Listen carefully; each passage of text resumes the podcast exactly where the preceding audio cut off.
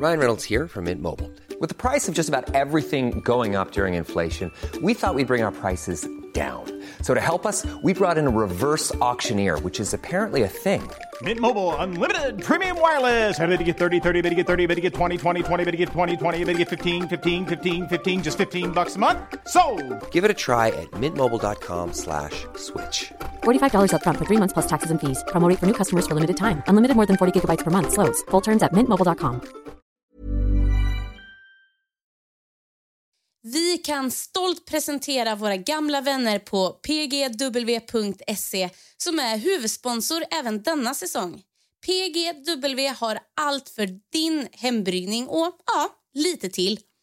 Det är ju julklappstider och det är ju alltid lika svårt att hitta julklappar. Särskilt till de som vill göra saker själva. Men PGV med W hjälper er med den huvudbryn. Det har allt från vinkit, flera olika ostkit, korvmaskiner, humle, malt och inte minst nybörjarkit för att brygga just öl. Ett sånt nybörjarkit som vi bryggde med i somras och kan vi lyckas så kan alla lyckas. Och vill du ge årets bästa julklapp får du just nu 20% på alla nybörjarkit för öl med koden ÖL2022. Kitten som redan innan har de bästa priserna. Så gör din pappa, mamma och morfar en tjänst och strunta i sockorna. Rabatten gäller till och med den 16 december och gäller max tre nybörjarkit per köp. Stort tack pgw.se.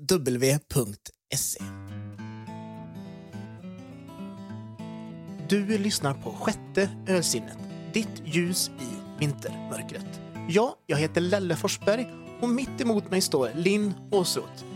Ni känner oss vid det här laget. Och I detta avsnitt har vi fått hjälp av er lyssnare med hembryggarfrågor till experten, mannen, myten, legenden Jonas Andersson.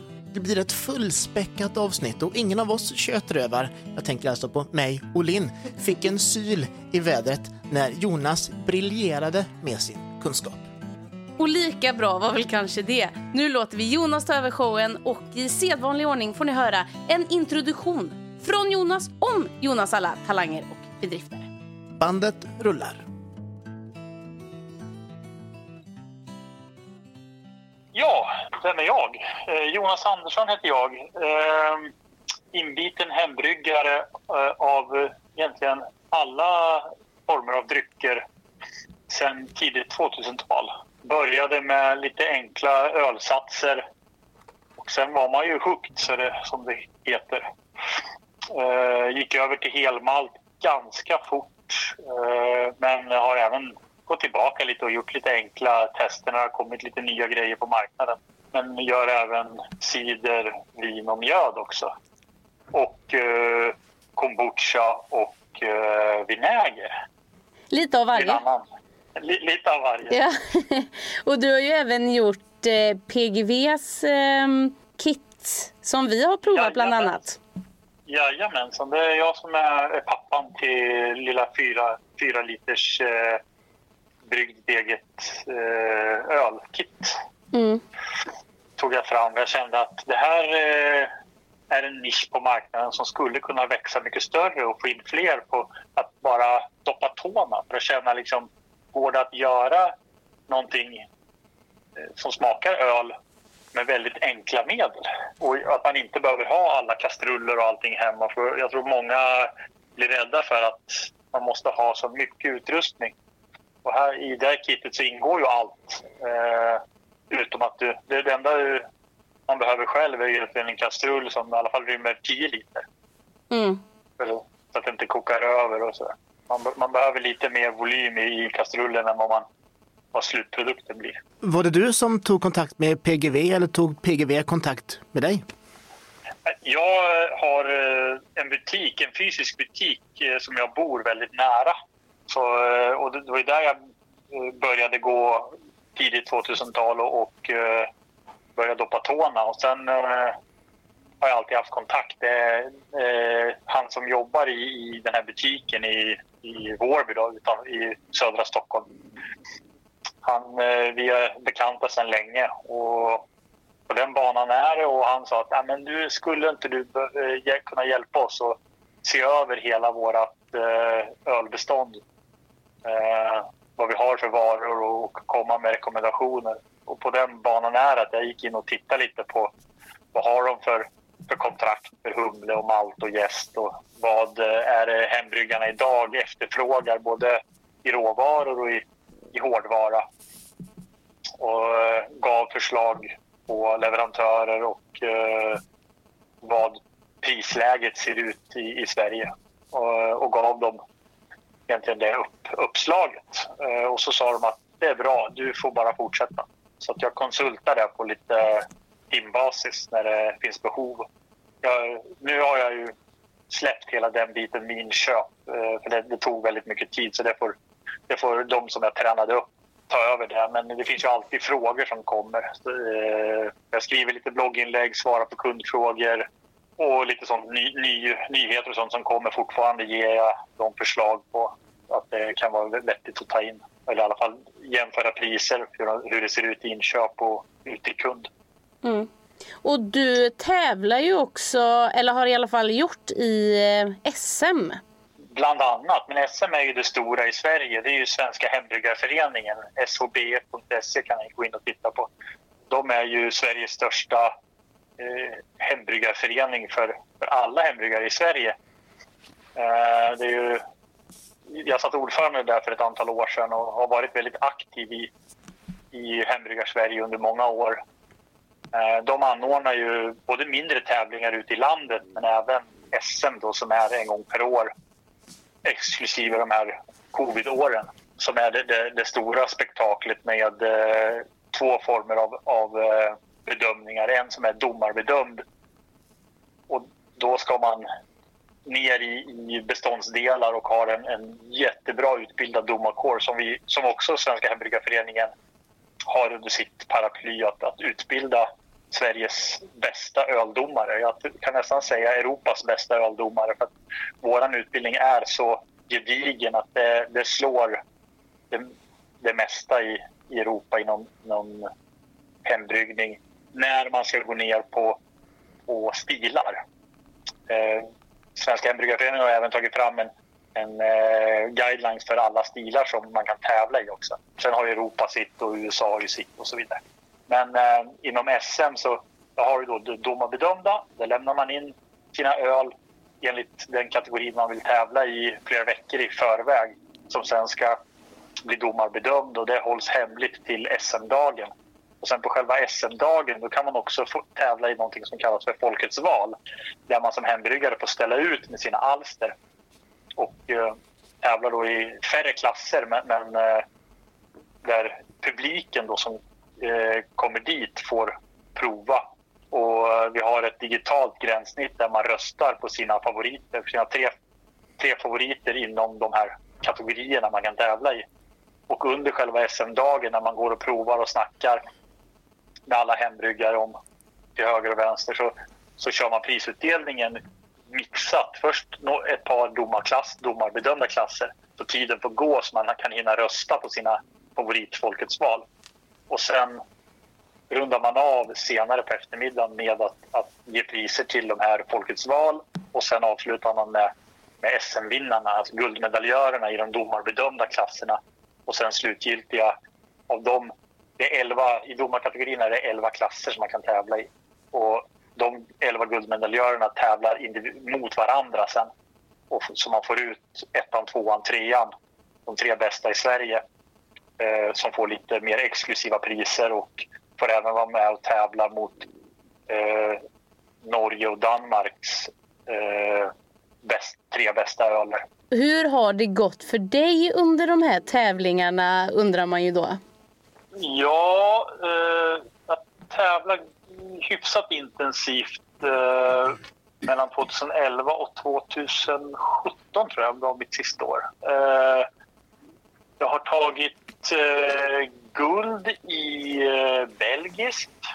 Eh, jag har tagit eh, silver i ljuslager och eh, i suröl. Och så har jag tagit brons i mörk lager och suröl ett annat år. Det tror jag jag har inom SM-bältet.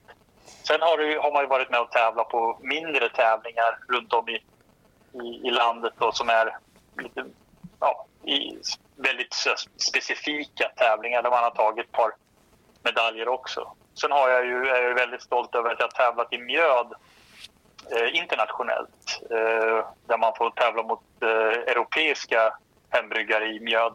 Mm. Där jag tagit ett, ett eh, silver och ett brons. Ja, men du kan ju en hel del på det här ämnet. Ja, ja. jo. Eh, jag försöker ta... Jag brygger inte så mycket själv längre. Jag eh, har, lägger ner mer tid på att hjälpa andra som är mottagliga och vilja lära sig hantverket och ja, inte lyssna på internet. Utan och det är lite det vi ska göra nu. Vi ska hjälpa andra människor som har eh, via sociala medier skickat in frågor till oss. Och eh, ja. du ska försöka svara på dem så bra du kan i egenskap av att vara en dekorerad bryggare. Ja. Är det någonting mer du vill ha sagt innan vi eh, bläddrar fram eh, frågorna? Ja, vi kan ju börja med att eh, hembryggning det kan ju göras hur lätt som helst och hur svårt som helst. Och frågar du tio hembryggare hur de har löst ett problem, då kommer du få elva svar. Eh, för, för det, det, är, det beror på så många faktorer. Och eh, nackdelen med... Fördelen med internet är att det är tillgängligt. Nackdelen med internet är att, att bara för att man har löst det på ett sätt, på sitt sätt, med, sitt, med sin uppsättning eh, och sin teknik, så är inte det det enda svaret. Så många gånger så finns det det beror på. Och det försöker jag alltid ta reda på hos hembryggaren som ställer frågan. Men hur har du gjort och vad vill, vart, vart står du och vart vill du komma med just din uppsättning och ditt sätt att brygga för att jag ska kunna hjälpa dig på bästa sätt. Annars kan jag kasta ut någonting bara som är generellt. Men det kanske inte blir det bästa för just den personen. Mm. Så det kan vara att jag svarar ibland att det beror på och då behöver jag kanske få veta fler, mer eh, om just lite detaljer. Men annars blir det ju, ja det kan bero på x antal saker. Men om folk undrar eller kanske känner att men just det, jag glömde ju skriva vad jag bryggde på. Det är ju inte det. Kan man höra av sig till dig i efterhand då? Vart kan man nå dig i sådana fall där? Eh, det går alltid att ställa frågan på, eh, på eh, till pgv.se generellt. Alltså de har ju en, en, en fråge, en frågelåda kan man säga, där man kan skicka in kundfrågor. Mm. Eh, där finns det en, en, del blogginlägg man kan kolla, lite tips och tricks och lite FAQ på. Och där finns de, de, ja, de 20 vanligaste frågorna jag brukar få eh, finns det en del svar på. Men det är som sagt, det finns många det beror på-frågor också. Och sen tycker jag faktiskt att, att eh, gå med, i, i, om ni inte redan är det, i Svenska Hembryggarföreningens förening, eh, shbf.se. Där får man att gå på de eventen som finns, för där snackar man med, med likasinnade. Så det, det, är, det är jätteroliga tillställningar. Jättebra tips. Mm kan pusha för. De håller på och söker eh, nu eh, volontärer som kan hjälpa till att, att rigga nästa SM som är i slutet av april 2023 i Solnahallen. Då pratar vi 2000 pers eh, i besökare eh, och sen sist vi hade i Stockholm då innan pandemin slog till, då eh, var vi, ja vi fyllde hela Solnahallen och eh, hade väl dryga 200 Folkets val olika öl. Och det var mm. väl öppet en, jag kommer inte ihåg om det var 500-600 som hade ställt upp eh, unika öl i eh, domarklassen. Så det är, det är en stor tävling. Så det är, det är ingenting man snyter sig i näven om man vill vara med och tävla. Men Folkets val, då, då kan du flippa ur med vad som helst. Mm. Och, spe, och spexa loss liksom. Det, det är det folk gillar. Vad är det minsta man behöver för att kunna börja brygga hemma? Det beror på, säger jag då. eh, enkelt sett så kan man dela in hem, hembryggning i två kategorier. Det är eh, extraktbryggning eller helmaltsbryggning. Sen finns det avarter däremellan. Man kan brygga, man kan brygga eh, mixat, att man gör halva batchen eh, eller halva satsen då, med, med helmalt. Men man har så liten utrustning men man vill göra större volymer. Då kan man lägga till extrakt eh, och komplettera med det. Eh, det heter partial mash. Eh, kan det, heta. Eh, det finns flera olika ord för det men, men eh, generellt så är det helmalt eller eh, extraktbryggning, alltså halvfabrikat. Eh, och extrakt det finns i antingen flytande form eller i pulverform som är mer, det är som en färdig öl som är kondenserad.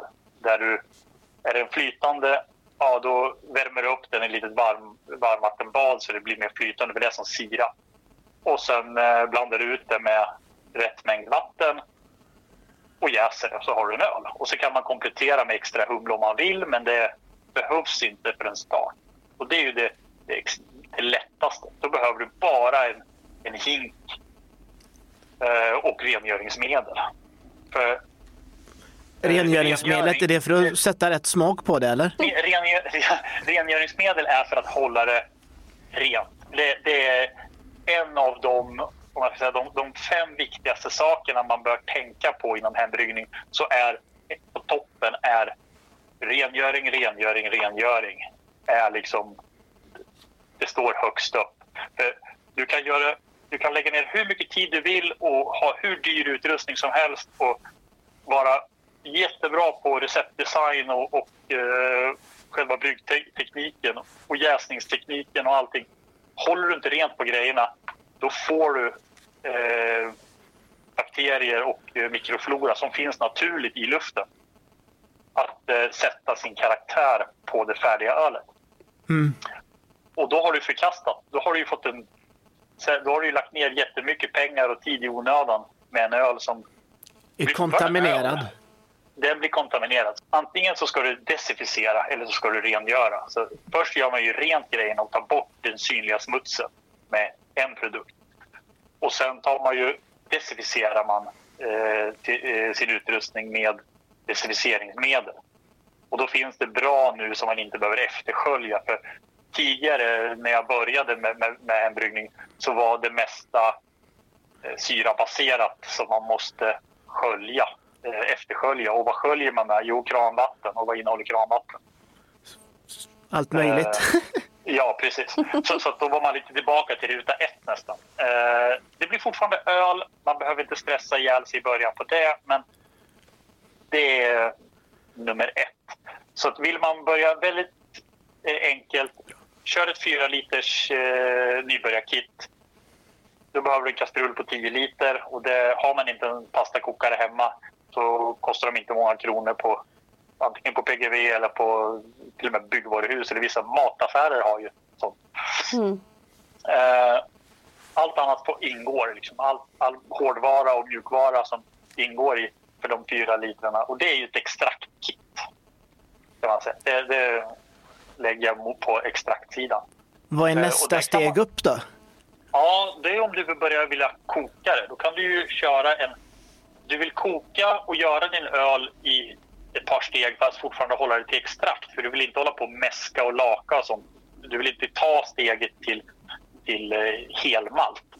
Eh, då behöver du fortfarande någonting att koka i. Så du behöver din kastrull. Så har du en, räkna på att din kastrull behöver i alla fall klara av 2, 3, 4 liter mer i volym än vad du har tänkt att koka.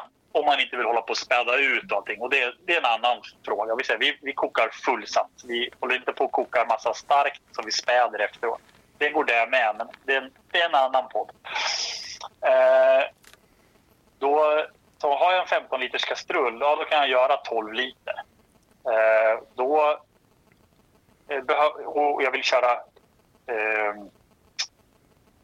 eh, med extrakt. Ja, då kan jag antingen köpa eh, extrakt i flytande eller torkat. Eh, det är alltså frystorkat nästan. Det blir som, det är som damm nästan i eh, pulverdamm. Mm. Det jag blandar ut det med den mängden vatten jag vill ha till det SG, alltså det OG jag, jag har tänkt att komma på, alltså hur starkt jag vill göra det. Eh, jag slår mig kanske med lite termer nu, som, som, det får man väl ta ett ett begreppspodd sen. Än så länge får ni googla de här termerna ifall de är nya för er som lyssnar. OG, Original Gravity, startdensitet. Sen eh, kokar man upp det här så det börjar koka och så tillsätter man sin humle. Men Då, då börjar vi prata receptdesign här. Då, är det, då går man ju ett steg från att bara eh, fire and forget, blanda eh, flytande maltextrakt med vatten och så börja jäsa. Då behöver man inte tänka på receptdesign. Men i det här nästa steg då i extrakten är ju att man ska koka det med mängden humle och sen ska kunna kyla det. Och allt under 10 liter brukar jag säga, det är ganska lätt att kyla hyfsat snabbt i ett isvattenbad i, i eh, sinken i köket. Eh, för det, det ska kylas hyfsat snabbt och det, det har sina fördelar varför man ska kyla snabbt. Och snabbt säger jag inte på en minut. Och säga, är det under halvtimmen, fine. Men, men eh, för långa kylningsperioder är inte optimalt. Det kan sätta fel smaker. Eh, och eh, ja, då, då, det, då behöver jag ju köpa råvarorna, bygga recept och kunna kyla. Är jag över 10 liter plus, då behöver jag nog skaffa en kylspiral eller något annat som hjälper till att kyla det snabbare. Någon form av cirkulation på, på kylan. Eh, Att ställa, ställa ut en, en kastrull i en snödriva rekommenderar jag inte. Det, det, det tar mer än hela natten. För att eh, snö som smälter blir ett, en luftkudde. Och sen har du, då kyler du inte med, med vad, att det är 20 minus ute. Du kyler med 0 grader eftersom luftkudden som blir när du stoppar ner en varm kastrull i en snödriva blir isolerande. Så att det, det tar väldigt lång tid att kyla på sånt sätt. Vet du det utav egen erfarenhet? Jajamän, det har man ju faktiskt testat sig till. Åh, gjort, gjort, gjort olika prov på liksom, vad kan jag göra och går det, att- går det att göra och vad händer och hur sakta. Och så. Det finns säkert grafer på internet som, som berättar hela fysiologin runt, runt det. Här. Men sen är ju nästa steg då, vill jag brygga helmalt? Ja, okej. Då krävs det lite mer utrustning.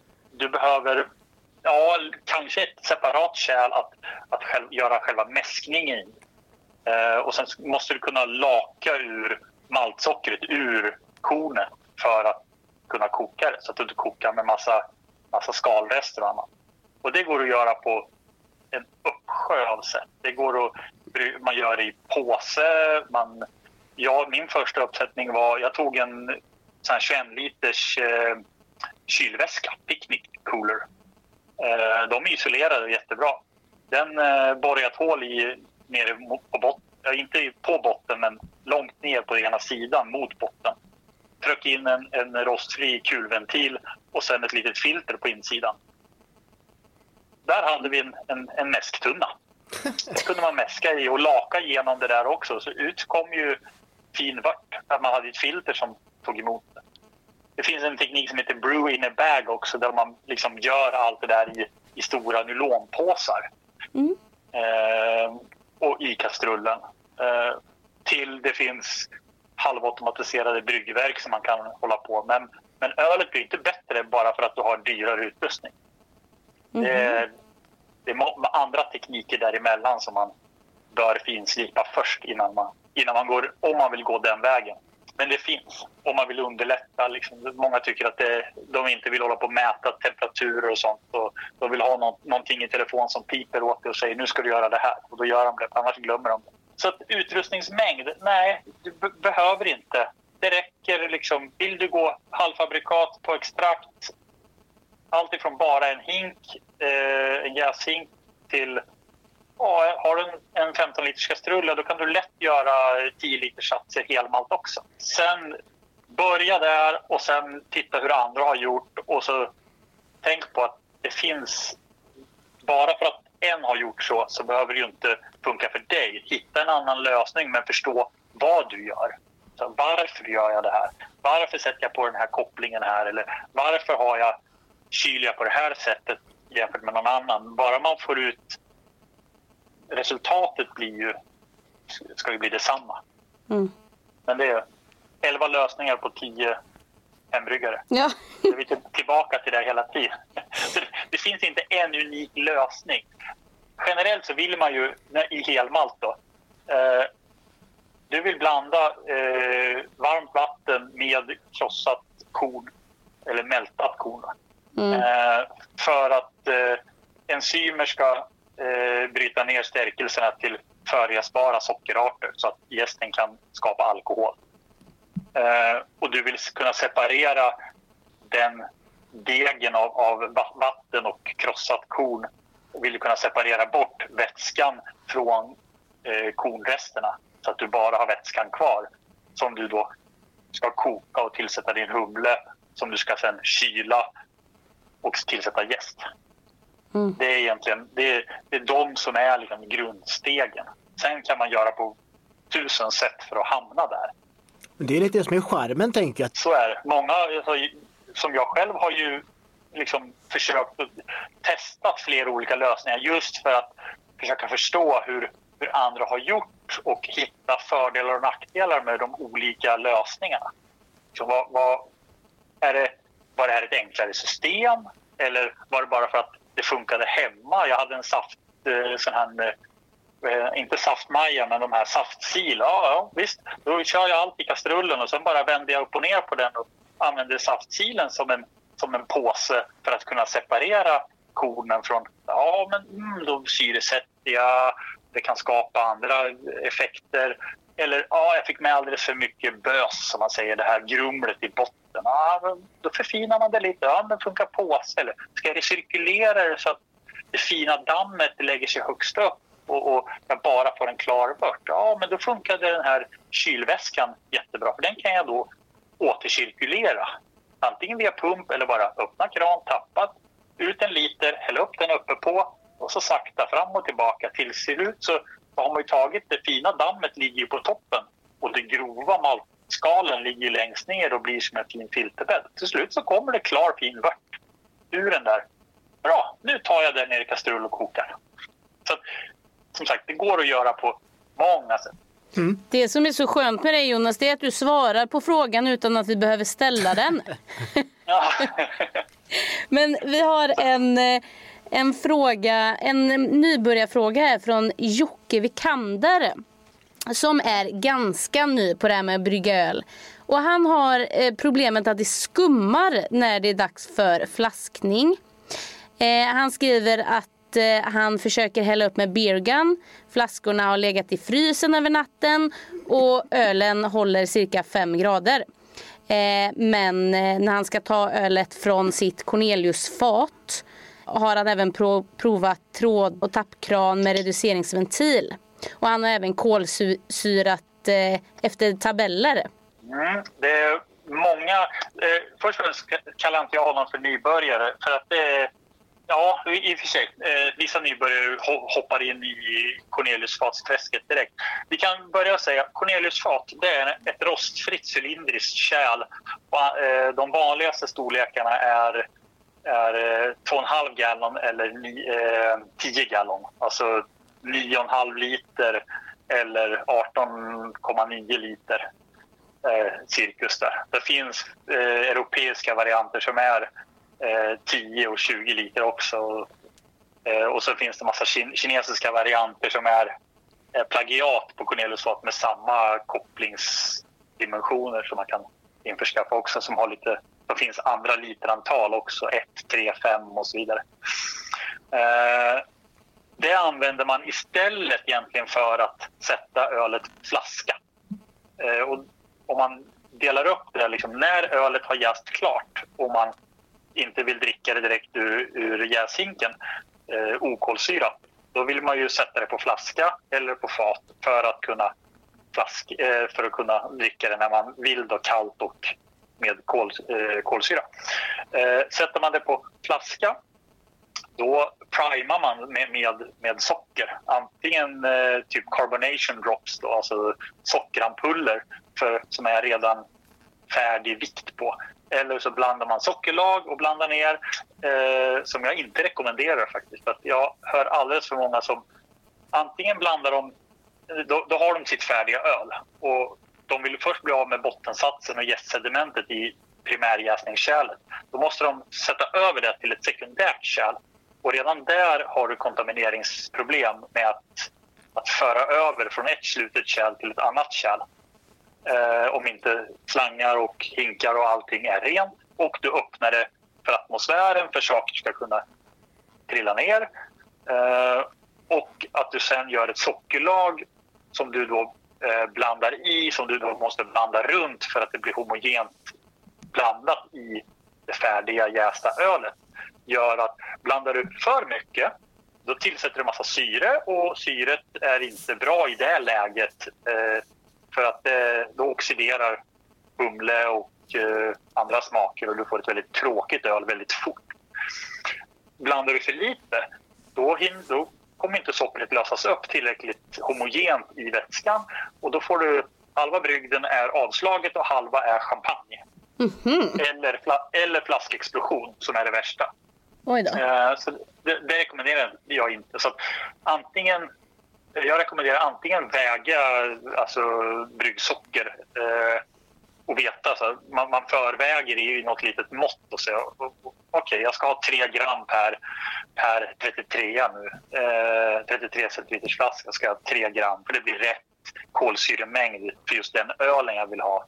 Olika ölstilar har olika kolsyremängd så det finns kolsyretabeller att hitta på nätet eh, för att veta hur, hur mycket man ska ha. Men antingen förväger man och vet så här mycket, ungefär 3 gram. En sockerbit väger ungefär 3 gram.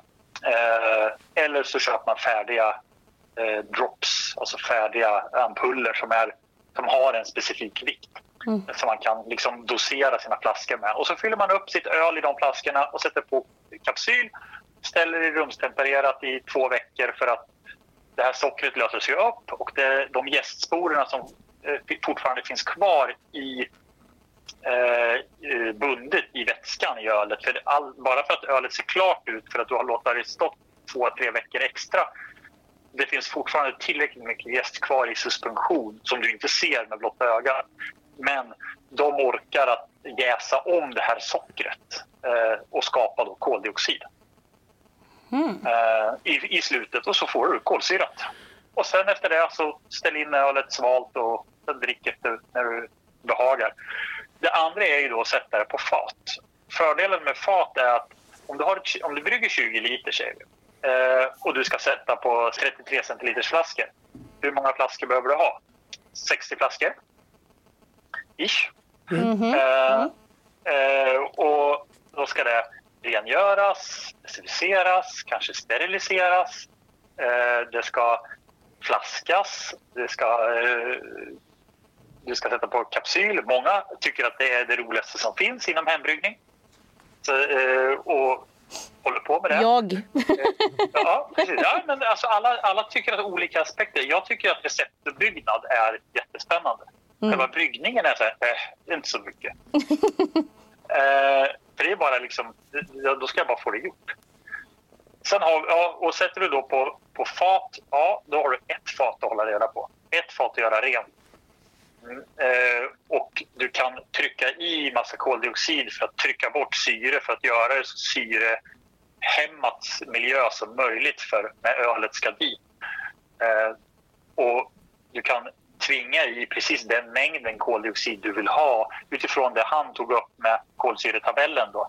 Det är tem- temperaturen som vätskan är i binder koldioxid olika mycket vid olika temperaturer, olika tryck. Och det finns en tabell man tittar på vilken temperatur jag har jag, vilket ska ställa in på min kolsyreregulator för att trycka ner i kärlet.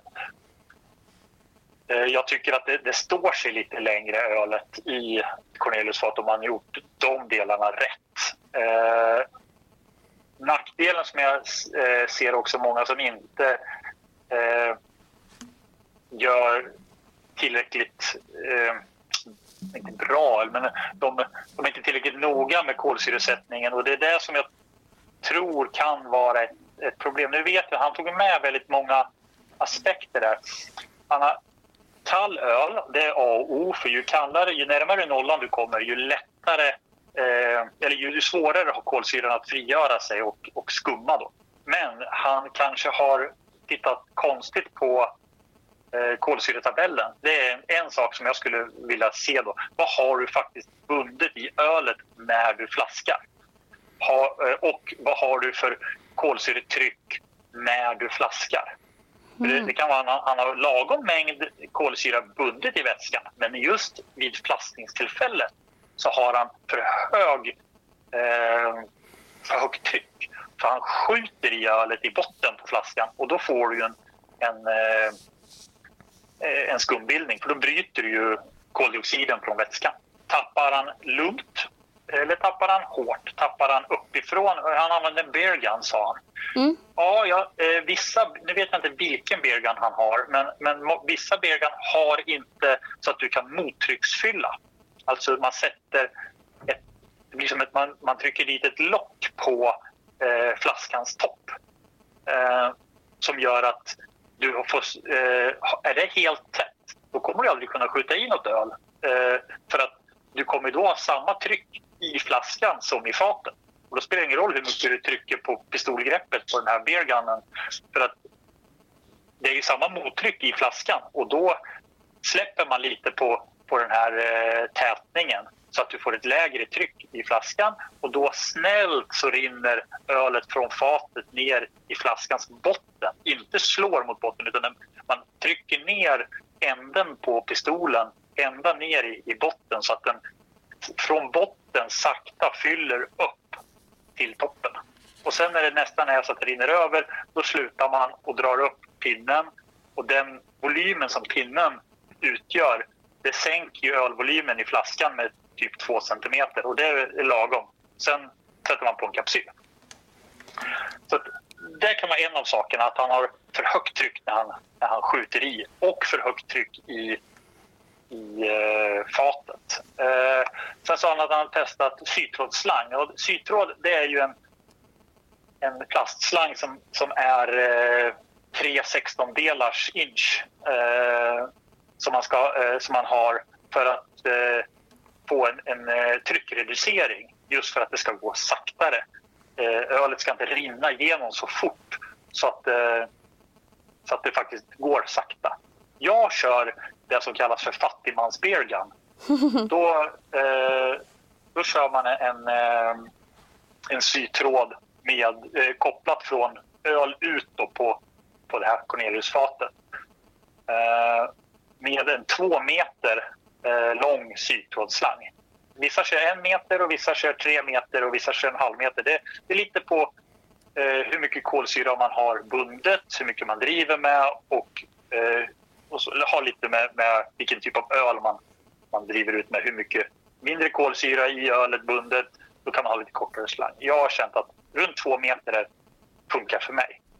Och sen kör jag bara den här picknicktappen, alltså den svarta vanliga som man ser så här, eh, som de kallar för picknicktapp, eh, så här öldispenser. På den så kopplar jag på en liten plastslang. Det, den heter eh, 3 åttondelars inch. Heter den. Eh, som är en 3 decimeter lång. Och på den så trär jag på en eh, eh, samma gummihätta som sitter på locket på jäshinken. Där man trycker ner jäslåset. Eh, den passar perfekt på den här 3 åttondels eh, slangen. Eh, och den kan jag då hålla fingrarna på, uppe på för att hålla tätt mot eh, flaskans topp. Och sen öppnar jag eh, picknicktappen och håller jag tätt mot flaskan då kommer det bara i början några droppar av öl i botten som visar att sen blir det ju ett mot, sen får du ju samma tryck i, i glasflaskan som du får i fatet. Och då bara släpper jag på fingrarna lite lätt Eh, jag har gjort en, en liten enkel video på, på det här och det finns på nätet också. Det, eh, den heter, man kan söka på eh, um, Fattigmans beer gun. Eh, och släpper jag på fingrarna då, då vill ju trycket öka i, i flaskan och då, då pyser det ut luft ur flaskan och ölet börjar rinna sakta i botten och sen stiger det upp. Precis som en, som en dyr beer gun för tusentals kronor. Och en sån, sån här fattigmans-beer gun med, med sytråd och, och picknicktapp eh, får man för några hundralappar. Sätter man ihop. Vilket supertips! Uh, PGV har den också. Jag kommer inte ihåg vad den heter, men det, det söker man på sytråd eller flaskning och tappning så, så kommer man hitta den. Uh, om man vill gå den vägen. Uh, varför han sätter på flaska efter han har satt det på fat, det, det vet jag inte. Jag gör det bara, har gjort det inför tävlingar och eh, om jag har typ tre liter kvar i ett fat och jag, behö, jag behöver tömma det för att jag håller på och brygger och ska sätta en ny sats, då kan jag flaska bort de ölerna fort så att jag tömmer fatet mm. till, till, nästa, till nästa omgång. Men varför han gör det, det, det får jag inte svar på. Men kylan har han rätt i, så kallt det bara går. Kolla hur lång sytrådsslang han har. Kolla så att det inte sitter något skräp i vägen och att kopplingarna sitter rätt. För det räcker att, det, att eh, när man trycker i de här eh, kop, eh, kopplingsdelarna så, som man har mellan tjock och smal slang och sånt att de eh, kanske sitter lite snett eller att det är en, en flik eller en flärp i de här kopplingarna som är trasig som gör att den ligger och, och slår sönder vätskan på vägen. Det kan vara det också. Mm. Så det, det, det, finns flera små detaljer. Men, men, han, han tänker ju helt rätt när det gäller kyla och, och så. Ja. Vi önskar Jocke lycka till eh, i sitt eh, fortsatta bryggande. Eh, här har vi det är egentligen två frågor ifrån Jens Malm. Får man brygga starköl hemma? Vart går gränsen? Står inom parentes. Och sen hur mycket billigare blir det att brygga hemma själv? Ja, eh, om vi börjar med fråga ett som var får jag brygga starköl? Ja, det får du.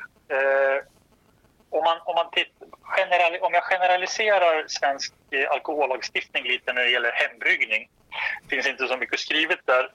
Men, men det finns en del eh, bra saker man kan ta med sig. Och det, det jag har, har levt med inom Svensk hembryggning och Svenska hembryggarföreningen som strider för rätten att få brygga i hemmet. Eh, så får du egentligen brygga hur starkt du vill. Du får brygga hur mycket du vill. Så länge du gör det i hemmet du får dela med dig till hur många du vill mm. så, länge det är ett slut, så länge det är ett slutet sällskap i hemmet. Eh, eller ja, det är slutet. Du kan ju ha ölprovningar på annan plats också, så, som vårt SM till exempel. Eh, och event som man har och har tävlingar och sånt, så är det en, en ölprovning. För att det du inte får göra är att ta betalt för ölet. Mm. Ölet får inte vara liksom det du tar betalt för. Du får inte tjäna pengar på, på din hembryggda öl. Nej. Eh, sen hittar vissa eh, på varianter av det, men, men det, det, får man inte göra. Så du får brygga hur starkt du vill, hur mycket du vill. Du får, eh, I slutet sällskap får du ha, dela med dig med hur, till hur många du vill, mm. men du får inte ta betalt. Det är, det är gränsen. Eh, gränsen på att, att det, och det vi inte får göra det är att bränna det. Nej. För då, är det ju, då, är det, då blir det ju sprit. Uh, men uh, med dagens... Du skulle kunna uh, med massa socker och näring, gästnäring och sånt så, och starkvinsgäster så kan du trycka upp ett, ja, jag inte kalla det öl då, men, men vi säger väl en fermenterad dryck med maltnoter eh, kan du trycka upp till ja, 18 Oj. så att, eh, alltså, bara med, med vissa starkvinsgäster idag och tillräckligt mycket näring eh, och syre så kan du pressa upp vissa gäster idag till en 20-21 procent. Men då är vi ju verkligen i ytterligheterna. Men, men 17-18 procent har jag gjort mjöd. Så det, och mjöd är ju bara honung och honung är bara socker. Mm. Men öl, ja, alltså göra en, en eh, allt ifrån lättöl till en belgisk kvadruppel på 13-14 eh, procent eller en Russian Imperial Stout på 12-13-14 procent kolsvart eh, sak. Så, eh, visst, helt möjligt. Och det funkar att göra på väldigt enkla medel. Du kan göra en, en Russian Imperial Stout på 12 procent med ekfatslagrat eh, på extrakt. 10, fyra liter. Det, ja, storleken har ingen roll, som man säger. Eh, Så allting går. Och, och, pr- och prisfrågan där då, är det, är det ens Ja. billigare? Eh, ja, Mom deserves the best, and there's no better place to shop for Mother's Day than Whole Foods Market. They're your destination for unbeatable savings, from premium gifts to show-stopping flowers and irresistible desserts. Start by saving 33% with Prime on all body care and candles. Then get a 15-stem bunch of tulips for just $9.99 each with Prime. Round out Mom's menu with festive rosé, irresistible berry chantilly cake, and more special treats. Come celebrate Mother's Day at Whole Foods Market. Ever catch yourself eating the same flavorless dinner three days in a row? Dreaming of something better? Well, HelloFresh is your guilt-free dream come true, baby. It's me, Kiki Palmer. Let's wake up those taste buds with hot, juicy pecan-crusted chicken or garlic butter shrimp scampi. Mm. Hello Fresh. Stop dreaming of all the delicious possibilities and dig in at HelloFresh.com. Let's get this dinner party started.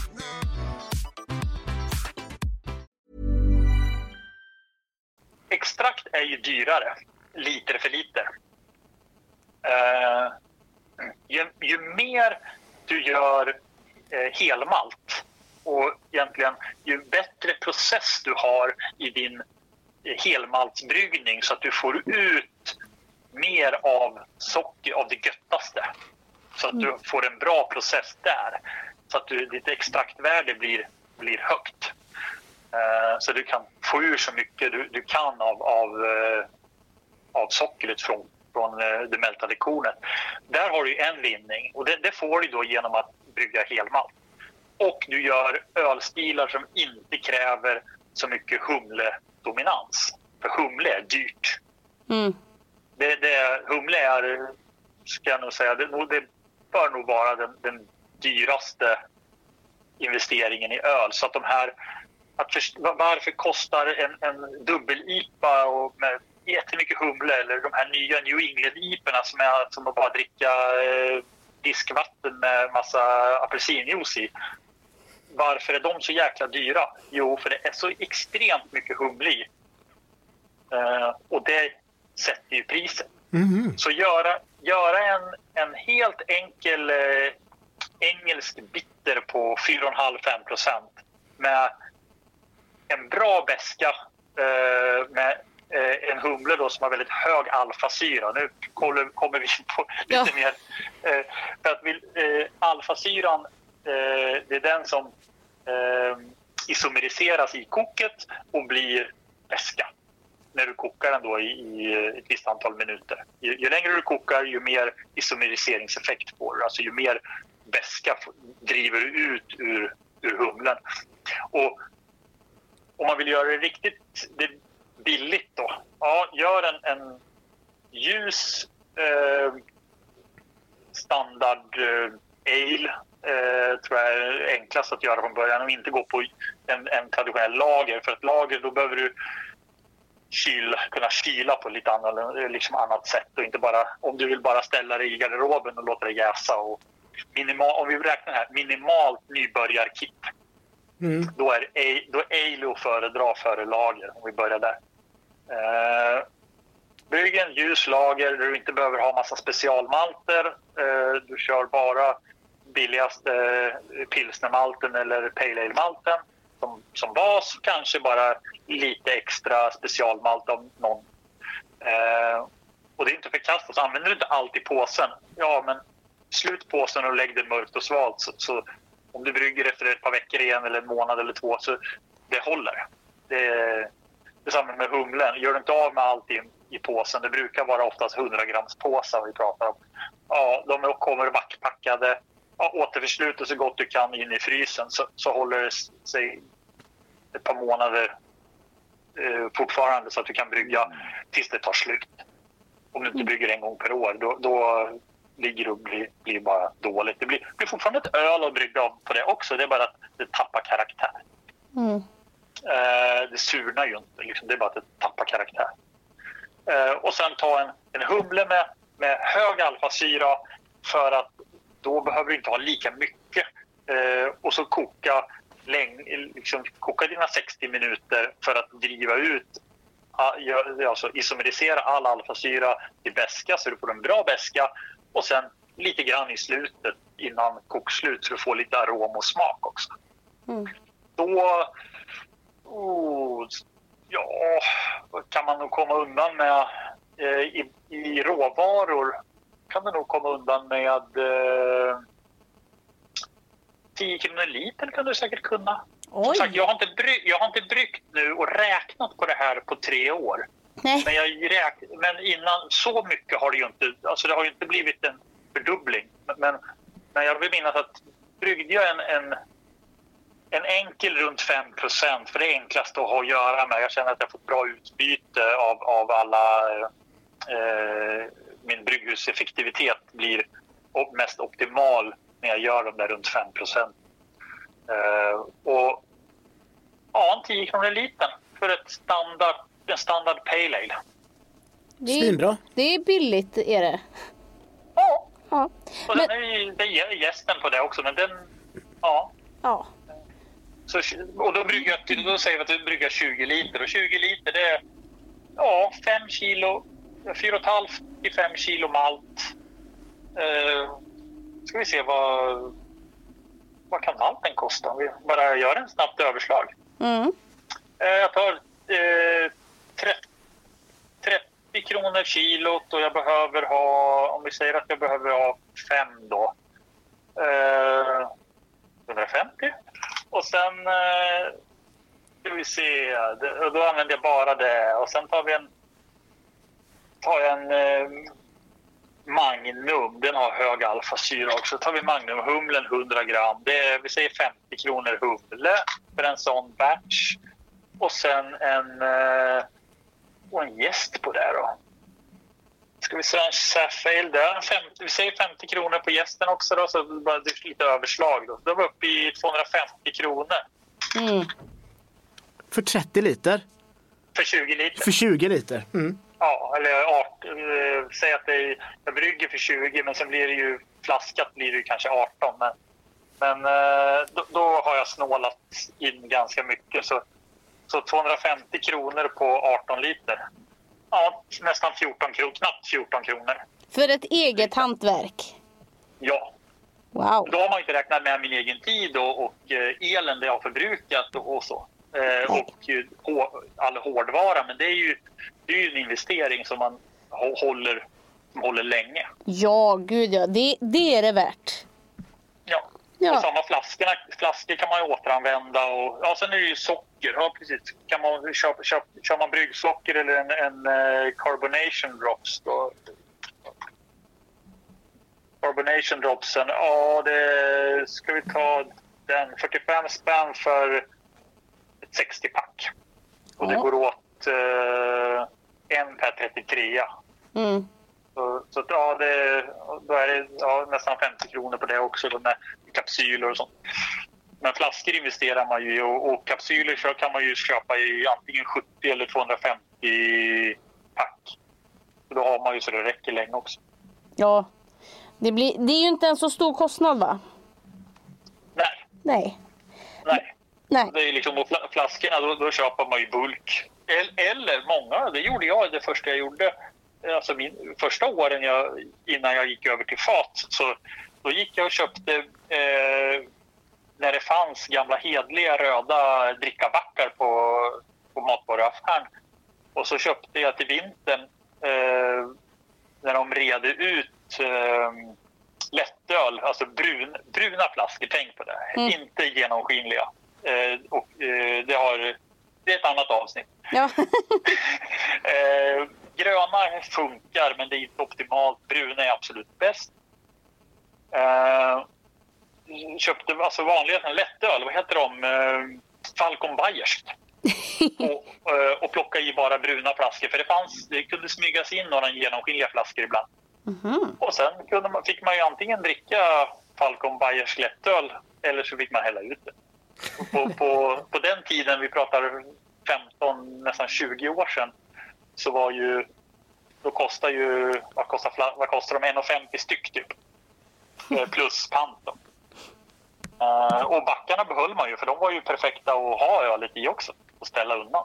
Då fick man ju liksom en, en back bira och då var det bara att lägga dem i, i hett vatten med någon form av eh, medel som kunde skrubba bort eh, etiketterna. Mm. Sen eh, brände jag dem i ugnen. Ja. Det är ju perfekt. Ja, men, eh, ja, ja. Så Brände dem i ugnen med, med, eh, när de var rengjorda och ursköljda med, med, när det var lite fukt i. Då på med ett litet, eh, folie, en liten foliestrumpa på toppen bara. Och sen jag dem i ugnen och så brände jag av dem på hög värme i, så att de blev steriliserade. Och sen, då sitter ju foliehettan kvar. Då kommer det ju inte några kryp eh, eller annat kommer ju in och sen kunde de stå i sina backar med foliehettan på sig tills den dagen jag behövde dem. Då tog jag bara fram dem och så upp bort med foliehettan, i med en carbonation drop och fyller på från, från, från eh, hinken som där har jäst färdigt. Och sen kapsylera, ställa tillbaka 14 dagar i rumstemperatur och sen i, i kylen. Det är ju briljant. Ja, det- nu vet jag inte om det går att skaffa sånt längre, men Nej. någon, kan, någon kanske har kvar sånt. Jo, det tror jag allt. Men du, här har vi en liten, om vi fortsätter på det här lite personliga temat. För vi har fått den från Stefan Pettersson. Som eh, undrar ehm, hur du jobbar fram ett recept. och Om det är mycket research. Och eh, om det här receptet ska då vara med på tävling. Är det mycket finslipande? Och eh, det är lite många frågor i samma fråga här. Men finns det några ingredienser, parametrar eller metoder som alltid ligger fast? Mm, då ska vi se hur jag bygger ett recept. Ja. Eh, vi börjar där. Eh, Så, som med- det mesta inom, inom matlagning och dryck och allting så har jag en förnimmelse först. Vad vill jag göra? Vad, hur ser jag slutprodukten? Eh, ska jag tävla, då är det okej, vilken, eh, vil, vad, vad är det jag gillar först för öl att brygga? Eh, man måste ju tycka det är gott. Jag vill inte brygga någonting som jag inte själv kommer gilla. Nej. För att, kri- för att jag kritiskt också ska kunna utvärdera om det här ens en, har en möjlig chans att eh, slå sig in bland medaljörer. Eh, eller att mm, jag ska brygga inför vintern. Jag vill brygga någonting inför julmiddagen. Eller jag vill brygga inför eh, slappa, varma sommardagar. Eller jag vill brygga inför ett, ett event eller no någon sån. Så jag, jag har en förnimmelse. Vad, vad vill jag skapa? Jag vill skapa en ljuslager eller jag vill skapa en, en kraftfull IPA eller jag vill, till julen vill jag ha någonting gott på julbordet. En liten engelsk bitter eller eh, vad det nu må vara. Eller jag vill ha någonting att långlagra i tre, fyra år. Jag vill göra en riktig fet Imperial Stout. Som ska stå länge och verkligen bara få mogna på, på flaska eller fat. Eller en god belgare som jag vill bara ha sippad som en efterrätt.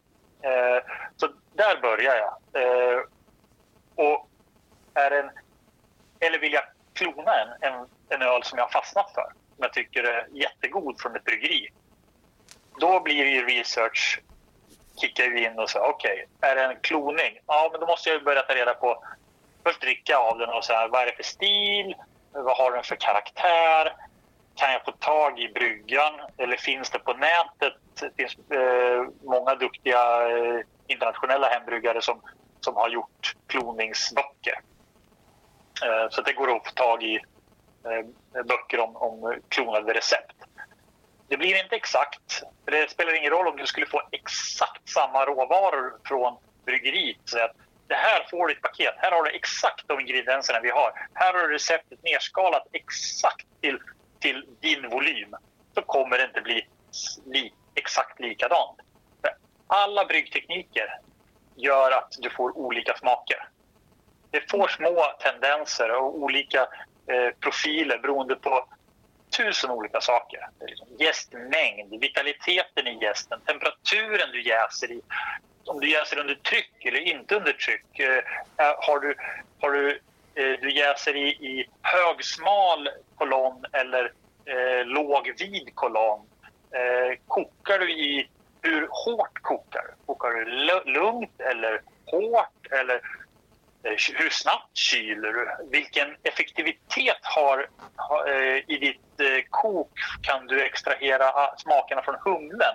Det är liksom tusen variabler som man kan lägga till som gör att det exakt klonade receptet blir inte exakt som, som bryggeriets. Det kommer väldigt nära, men det blir inte exakt. Så det är bra att ha i, i åtanke. Men klona, sök på nätet. Finns en uppsjö av, av klonade recept av de, de mest välkända ölstilarna. Och annars är det vad vill jag uppnå? Och sen börja träna och brygga egentligen samma. Liksom, vad, vad behöver jag? Ska jag göra en, en pale ale? Eh, ja, jag behöver lite jag behöver min basmalt. Jag utgår alltid från någonstans 80-90 procent är basmalt. Alltså pilsnermalt, pale ale-malt, eh, münchenmalt, Vienna-malt. Det finns en, en, en, ett par stycken. Men jag börjar där. Det är, de, det är där jag sätter liksom, bulken av, av malt. 80-90 procent. Sen 10-20 procent är ju kryddan. Eh, ja, vill jag ha karamelliga toner? Vill jag ha toffitoner? Eller vill jag ha brända toner? Eller vill jag ha chokladiga toner? Eller vill jag ha... Ska det bara smaka lite som ljust rostat bröd eller riktigt hårt rostat bröd? Eller liksom, vart... Ska det vara torrrostat eller ska det vara sött? Liksom, allt det här bygger man med, med erfarenhet. Och till nybryggare brukar jag alltid säga, börja alltid med ett grundrecept på 90% basmalt, en specialmalt på 5-10 eh, beroende på hur mycket man vill ha. Eh, en sorts humle och en jäst. Och sen gör du den. Och utifrån den så känner man, ja men vänta nu, jag vill ha mer beska eller jag vill ha mindre beska eller jag vill ha, ja, den blev för sötsliskig av det där eh, specialmalten. Ja, men då, en, eller ja, ett annat gästval. Jag skulle nog tippa på att jag skulle få kanske en annan typ av gäst och en annan karaktär.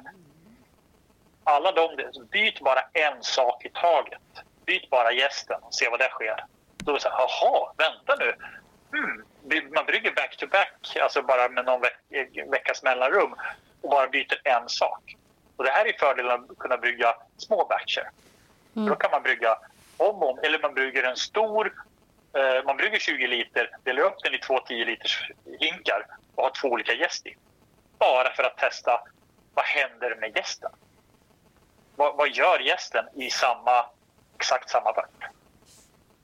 Eller byt bara ut humlen för att säga Jaha, vänta nu. Ja, den där gav ju citrustoner medan den här gav mangotoner eller den här gav örtiga, kryddiga toner. Så, och på det sättet så rekommenderar jag att, att bara liksom håll dig till, börja på ett recept. Kör på det. Ha din favoritöl då som en, som en grundidé. Eh, och kör bara det som eh, det här kloningsreceptet säger. Sen vad du gillar, är liksom vad du får ut, så kanske du vill tweaka det. Alltså, ja, men vad skulle göra det här ölet bättre? Och byt ut bara det du tror. Det, så är det. Eller så, så, så gör jag. Ja. Eh, Så att det, det där är att by- bygga ett recept. Ja, då är det ju inför tävling. Då, är det finlir om du vill tävla. Eh, Får man täv- tävla med en klon? ja, Eller, eller måste man tweaka ett recept? Eller får man... Nej, du får, du, får, du får göra för att tävlar du i domarklasserna då, då, finns, eh, då finns under varje eh, klass så, så har du ett par kommersiella eh, förlager som du kan förhålla dig till. Så liksom ljus, eh, jag kommer inte ihåg vad klassen heter, ljus in- internationell lager. Eh, den som jag tog, jag tog silvermedalj med den för något år sedan.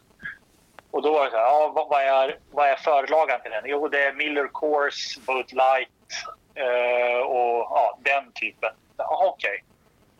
Du ska göra det It's like making love in a canoe fucking close to water, om man får säga det. Eh, det, det, är, det är liksom de är de svåraste egentligen ölerna att göra och få bra. För att du har ingenting att dölja felsmaker på. Det är väldigt lite smak, eh, men den ska vara extremt ren och välbalanserad. Så att det får, finns, liksom, finns inte tillräckligt mycket humle så du kan dölja felsmakerna bakom massa humle. Det finns ingen massa eh, eh, maltkompositioner, svåra maltkompositioner som gör att du kan dölja massa felsmaker bakom mycket alkohol eller mycket maltkaraktär. Det finns ingenting, så allt måste vara spot on. Så den vill jag ju brygga bara för att liksom, jag måste kunna göra, jag måste testa mig själv Eh, och se, har jag fel, kan jag få bort alla felsmaker? Eh, och då är sådana recept väldigt nyttiga att, att träna mot. B- börja där, börja med någon favorit och gör om och om igen egentligen samma öl men byt en sak i taget. Det är min rekommendation. För att du lär dig väldigt mycket. Det är tråkigt, för många tycker att, jag själv tycker att det är jättetråkigt att brygga samma öl om och om igen. Men du lär dig, som nybörjare lär du dig sma, smakerna. Vad händer när jag bara skiftar på en sak? Många vill, gillar ju det här eh, skafferibryggning. Alltså de, vad har jag hemma? Eh, och så bara kastar de i allt de har hemma. Så, ja, det blev en öl. Ja, självklart. Men blev den så bra du skulle kunna göra? Troligtvis inte. Jag har en fråga från Melker Svan. Hur brygger man ett alkoholfritt öl? Eh, ja, alkoholfritt, det är väl är det under 1,25 procents alkohol? Eller är det, jag kommer inte ihåg vart... Nu kan inte jag svara på. 0,5 Är det va? 0,5 va? Är Ja. det, då är det alkoholfritt. Ja, tror det. Eh, ja. Jag tänkte på om det var, var liksom under 1,25 så var det ju under lättöl. Liksom. Eh, men det kanske är för att vara klassen som alkoholfritt. Ja, som hembryggare finns det inte så många... Det finns, det finns inte så många sätt att tillvägagå. För man, man kan inte brygga under tryck och man, kan inte, man har inte massa konstiga eh, maskiner som, som klarar av att, att driva bort alkoholen. Så, eh, så att du måste ju jäsa din, eh, din vört. För att dricka sötvört som inte har jäst, det är inte gott. eh, så att, eh, att nå 0,5 är ganska svårt eh, om man inte använder... Nu finns det faktiskt, det fanns inte för, för, sen, par år, för hembryggarna, för bara, det är ganska nytt nu, för ett par år sedan tillbaka eh, så finns det jäst som många bryggerier använder också. Det är en jäst som knappt jäser någonting. Den, Eh, den, den- den eh, jäser men den bildar nästan ingen alkohol. Den omvandlar eh, så att du får bort det här sötsliskiga maltsötman och du eh, eh får en, en biotransformation, någonting som händer med hu- när humlen kommer i kontakt med jästceller så, så får du en, en biotransformation som, som gör att du sätter en ölkaraktär. Du får en ölsmak, en jäst ölsmak och inte en ojäst ölsmak. Eh, så det finns sådana gäster på marknaden. Jag har inte prövat dem. Eh, eller om man vill ha väldigt låg alkoholhaltig öl så kan man... Nu kommer vi in på bryggteknik, men man kan mäska väldigt högt i väldigt hög temperatur. Eh, om vi går bara snabbt in på mäskningen. När du ska sätta dina förjäsbara sockerarter då finns det två eh, enzymer som, som är, aktiveras i din mäsk och det är alfa och beta-amylas. Eh, de två jobbar lite i tandem med varandra och klipper sockermolekyler eh, på lite olika sätt. Eh, och de jobbar i ett, ungefär, nu är det väldigt tummen pekfingret här. Man kan gå in i, i, i 90 gritty om man vill men vi säger ungefär mellan 60 och 70 grader. Eh, och ju närmare 60 du kommer, ju mer förjäsbart, alltså ju mer lätta sockerarter som gästen har att eh, kunna äta. Alltså vill du ha ett torrt, krispigt öl, gå så nära 60 som möjligt. För att då jobbar de enzymerna på bästa sätt du kan få ett väldigt blaskigt öl också för att du får ingen kropp i det. Men det kan du ju eh, skapa med tillsatser av, av väldigt mycket specialmalt som då inte har de här förjäsbara eh, sockerarterna. Då får du massa dextriner som inte är förjäsbara och då får du kroppen på det. Eh, så det går att spela åt det hållet också. Eller gå upp väldigt nära 70. 70 plus. Eh, för börjar man tendera upp över 70 då bryts de här enzymerna ner mycket snabbare än vad de hinner konvertera och de konverterar väldigt långa sockersträngar som gäst har svårt att omvandla till alkohol. Det här är väldigt generella termer nu bara så att, så att lyssnarna förstår. Eh, mm. Jag försöker förenkla det så, så gott det går. Eh, och om man då brygga ett väldigt alkoholsvagt öl men med hyfsat mycket kropp då, då använd stor andel eh, specialmalter som inte då eh, konverteras i stor utsträckning i mäskningen och mäskar väldigt högt. Du, du, du, eh, och du använder ganska lite malt till ditt recept. Eh, jag brukar säga ungefär, du får ut på ett kilo, ett kilo malt så får du ut ungefär fem liter 4,5-5 procent i öl. Om du har en bra bryggeffektivitet i ditt, liksom, ditt eh, sätt att, att uh, laka ur uh, det götta i, i malten. Mm. Så uh, som till vårt 20 liters recept så 4 till 5 liter malt då för ett 5 procent i öl. och, men går ner då och bara kör halva mängden så att ditt startvärde istället för att ditt startvärde på din 5 i öl ligger på 48-50 i, i örslegrader. En annan term som vi kan prata om en annan gång. Eh, eh, så, så, så, kör du bara halva mängden eh, malt med väldigt hög andel, vi kanske pratar 30-40% specialmalt istället för 10 och eh, mäskar väldigt varmt, alltså närmare 70 grader. 70-71 där någonstans. Eh, då kanske då, då har du ett, ett örslevärde på 30-35 istället för 50. Mm. Och, eh, eftersom du mäskade så högt och du har så, så mycket eh, oförlösbara sockerarter i det, då kommer inte gästen kunna äta så mycket av det. Då kanske de bara äter från 35 ner till 25. Och då har du... Då får man googla på såna här, eh, alkoholkalkylatorer vad det blir. Men det kan bli en, en och en halv procent. Jag tänkte om jag hade... Jag har ju en app i telefon för guds skull. Heter... ABV heter den. Om vi skulle gå från, vi säger från 35 till 25. Ja, 1,3 procent blir det då. Det blir en lättöl. Mm. Mm.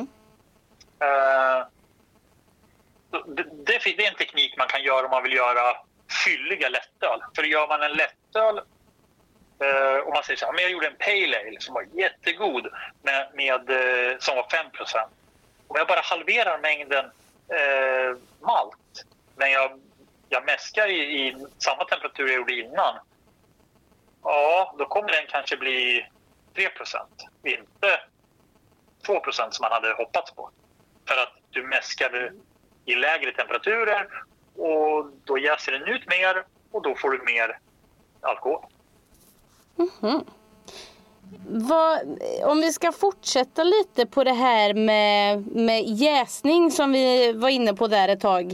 Eh, så, så har vi faktiskt en fråga på det från Ralf från 68th Floor Brewery. Eh, oj, oj, oj. Ja, visst vet du. Men han har en fråga på vad det är som påverkar svajig utjäsning på öl eller final gravity. Är det maltkvaliteten eller, eh, som påverkar eller gästen eller vad kan det här vara? Ja, då får jag dra till med det bevingade ordet det beror på. eh, det, det beror på flera saker. Eh, alla gäst man kan köpa har ju en eh, utjäsningsgrad. Mm eh, och eh, normalt så, alltså, de normala liksom, bulken av, av alla eh, ölgäster har en utjäsningsgrad som brukar ligga, eh, det, och det här är bara riktvärden, de brukar ligga runt 70-75 procent. Och då säger man 70-75 procent av, om du börjar på, på Örslegrader 50 och du har en, en gäst som eh, klarar eh, 70, har 75 i utjäsningsgrad.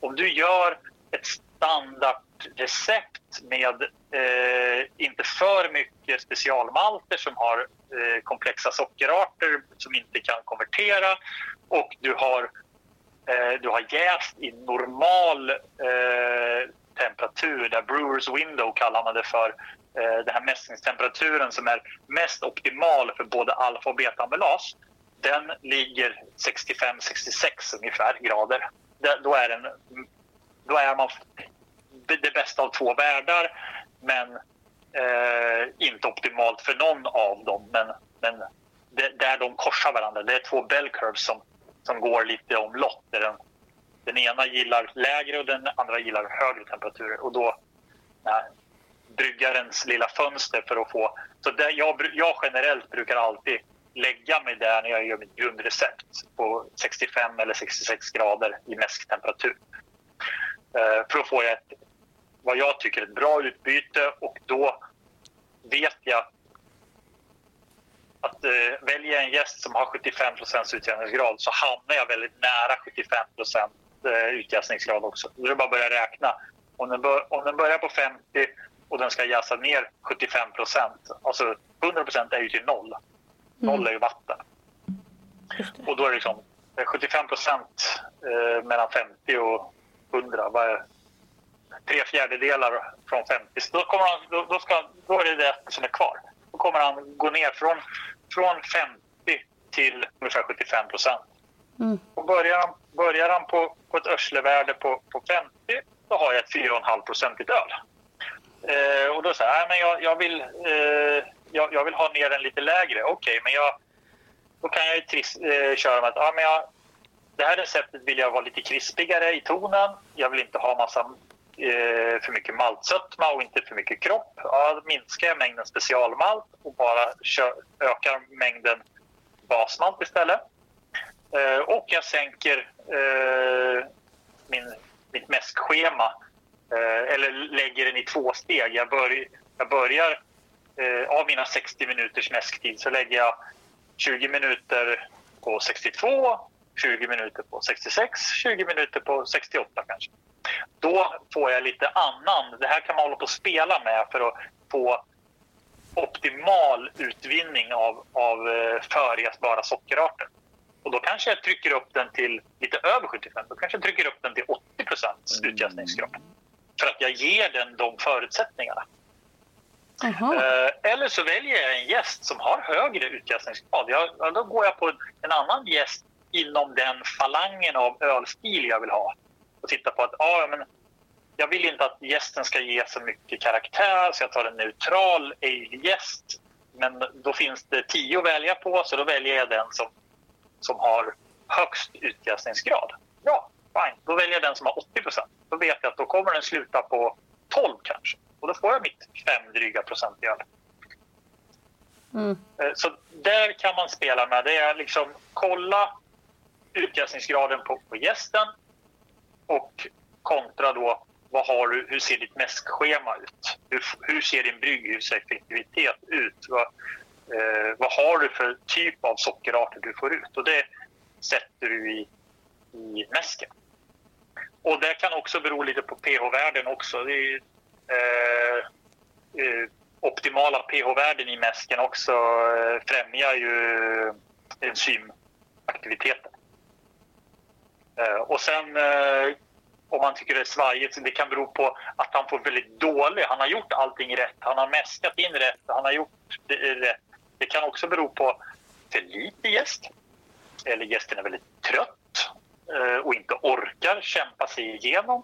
Han kanske gör väldigt starka öler, men han väljer ett, ett, eh, en gäst som har väldigt hög utjäsningsgrad men väldigt dålig alkoholtolerans. Och när du börjar närma dig liksom, eh, gästens alkoholtolerans, ja då börjar den att konka och säga att det här är inte för mig och så lägger den av lite för tidigt. Så det finns många, det beror på faktorer. Så där måste man nästan, där igen måste man gå in vad är det du vill göra? Okej, hur ser din teknik ut? Du vill göra den här typen av öl, hur ser ditt recept ut? Okej, du har den här maltkompositionen, humlen spelar en mindre roll i det där. Okej, vad har du för gästval då? Okej, har du det här? Ja, men har du rätt mängd vital gäst? Många eh, som jag pratar med har lite för lite gäst, eh, tycker jag. Eh, man har lärt sig eh, genom att, att eh, leverantörerna av, av torrjäst är väldigt duktiga på att säga att men en påse räcker för din, din 20 liters batch.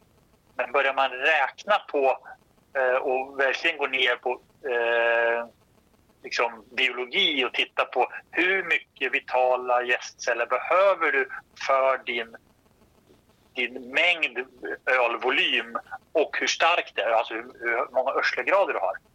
Då finns det tabeller man kan räkna på. Ja, det här är bra mängd antal gästceller du behöver för just den här volymen och styrkan. Eh, och då räcker oftast inte ett paket ölgäst eh, till. Eh, jag brukar, när, jag, när jag räknar på, på generellt på, på ale-gäst, för ale och lager har lite olika mängd. Man vill ha, ju kallare man jäser, ju mer jäst behöver. Men om vi tar en ale-gäst, rumstempererad jäsning, då brukar ett paket väger oftast 11 gram. De flesta ja, torrjästpaketen väger 11 gram. Eh, så brukar det räcka till, om man räknar bara krasst. Ja, ska du göra en 18 liter? Ja, om du har örslegrader på typ 40. Alltså du ska göra en 3,5 procent i öl. Då skulle det funka. Sen behöver du mer. Vill man vara på liksom den säkra sidan, någonstans mellan en halv till en gram per liter 5 procent i öl, om man säger så. Eh, så ska du göra en 5% i öl, ja, då börjar jag börja räkna. Liksom, den där påsen med 11 räcker kanske till 15 liter. Ja, men jag vill ju göra 20 liter. Ja, det, det skadar inte att ha i två påsar i det läget, säger jag.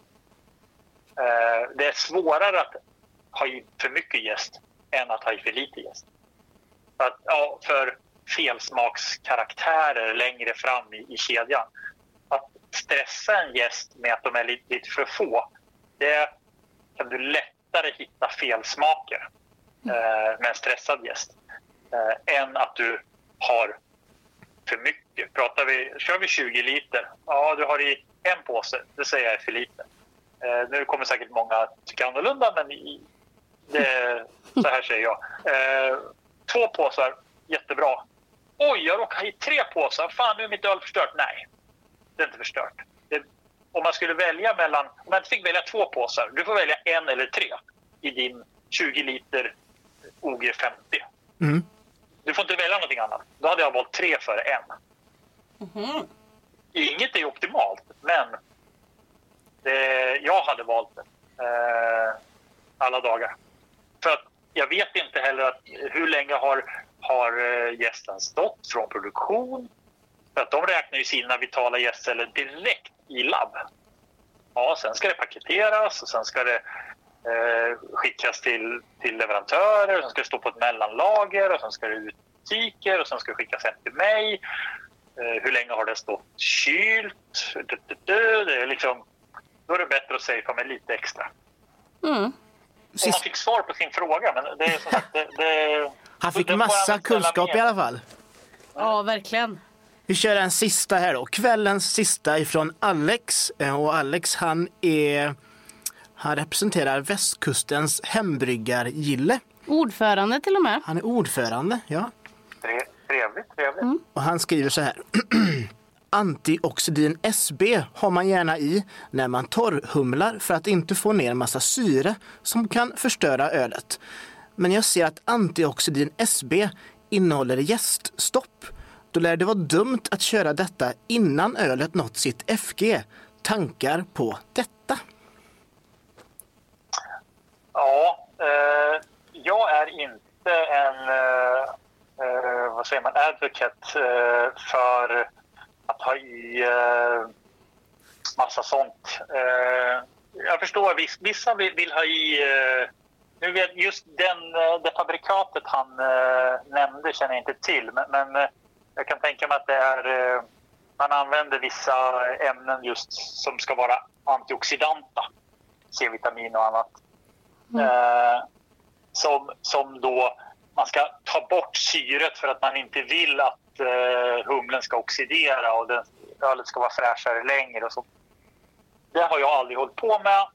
Eh, jag vet folk som gör det och eh, vurmar för det. Jag har testat flera öl som har haft för mycket och det smakar fan.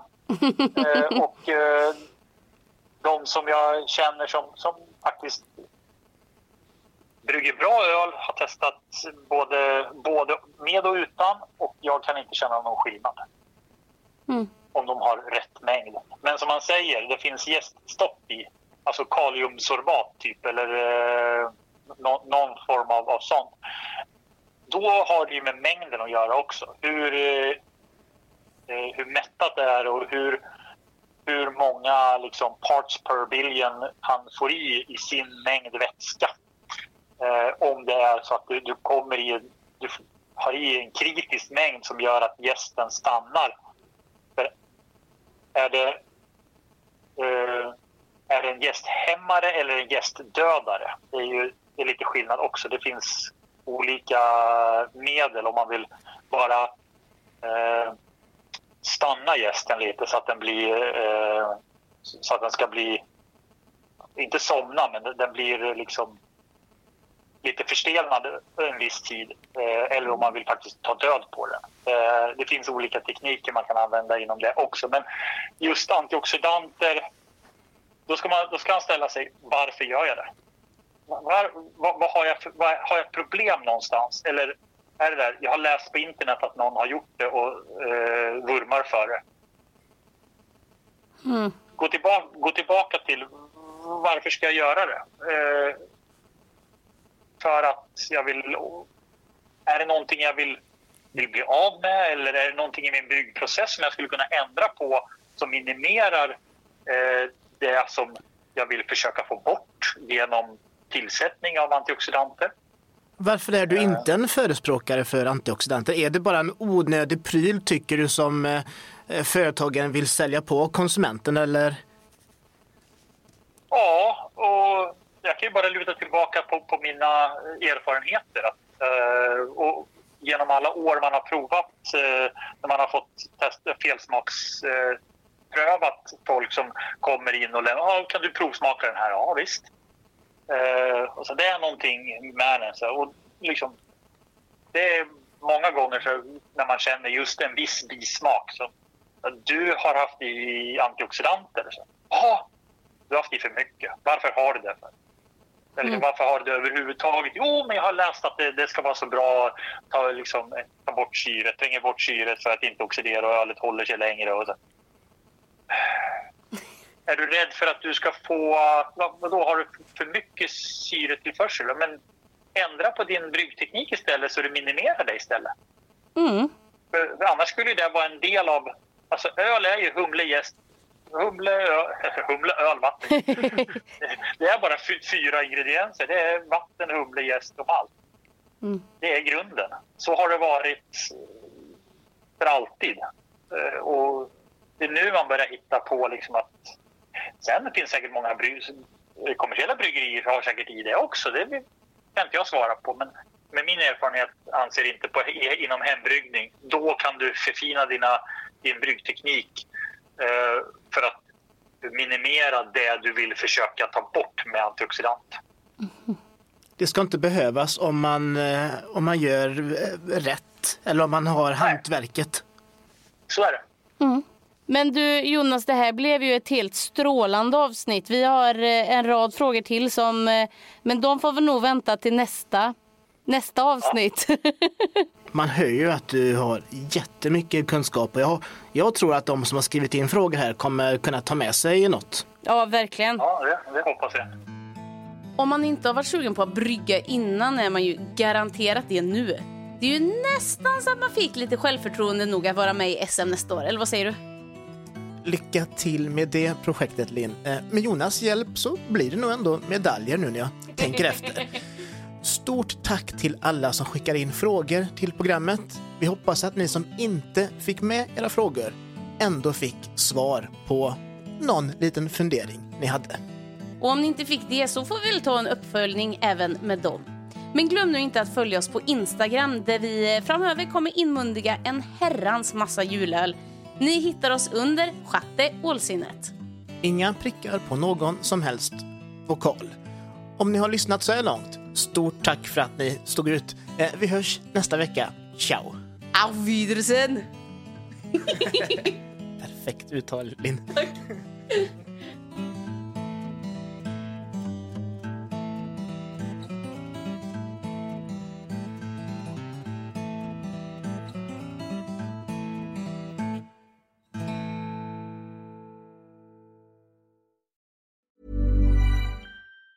Even on a budget, quality is non-negotiable. That's why Quince is the place to score high-end essentials at 50 to 80% less than similar brands. Get your hands on buttery soft cashmere sweaters from just 60 bucks, Italian leather jackets, and so much more. And the best part about Quince, they exclusively partner with factories committed to safe, ethical, and responsible manufacturing. Elevate your style without the elevated price tag with Quince. Go to quince.com slash upgrade for free shipping and 365-day returns.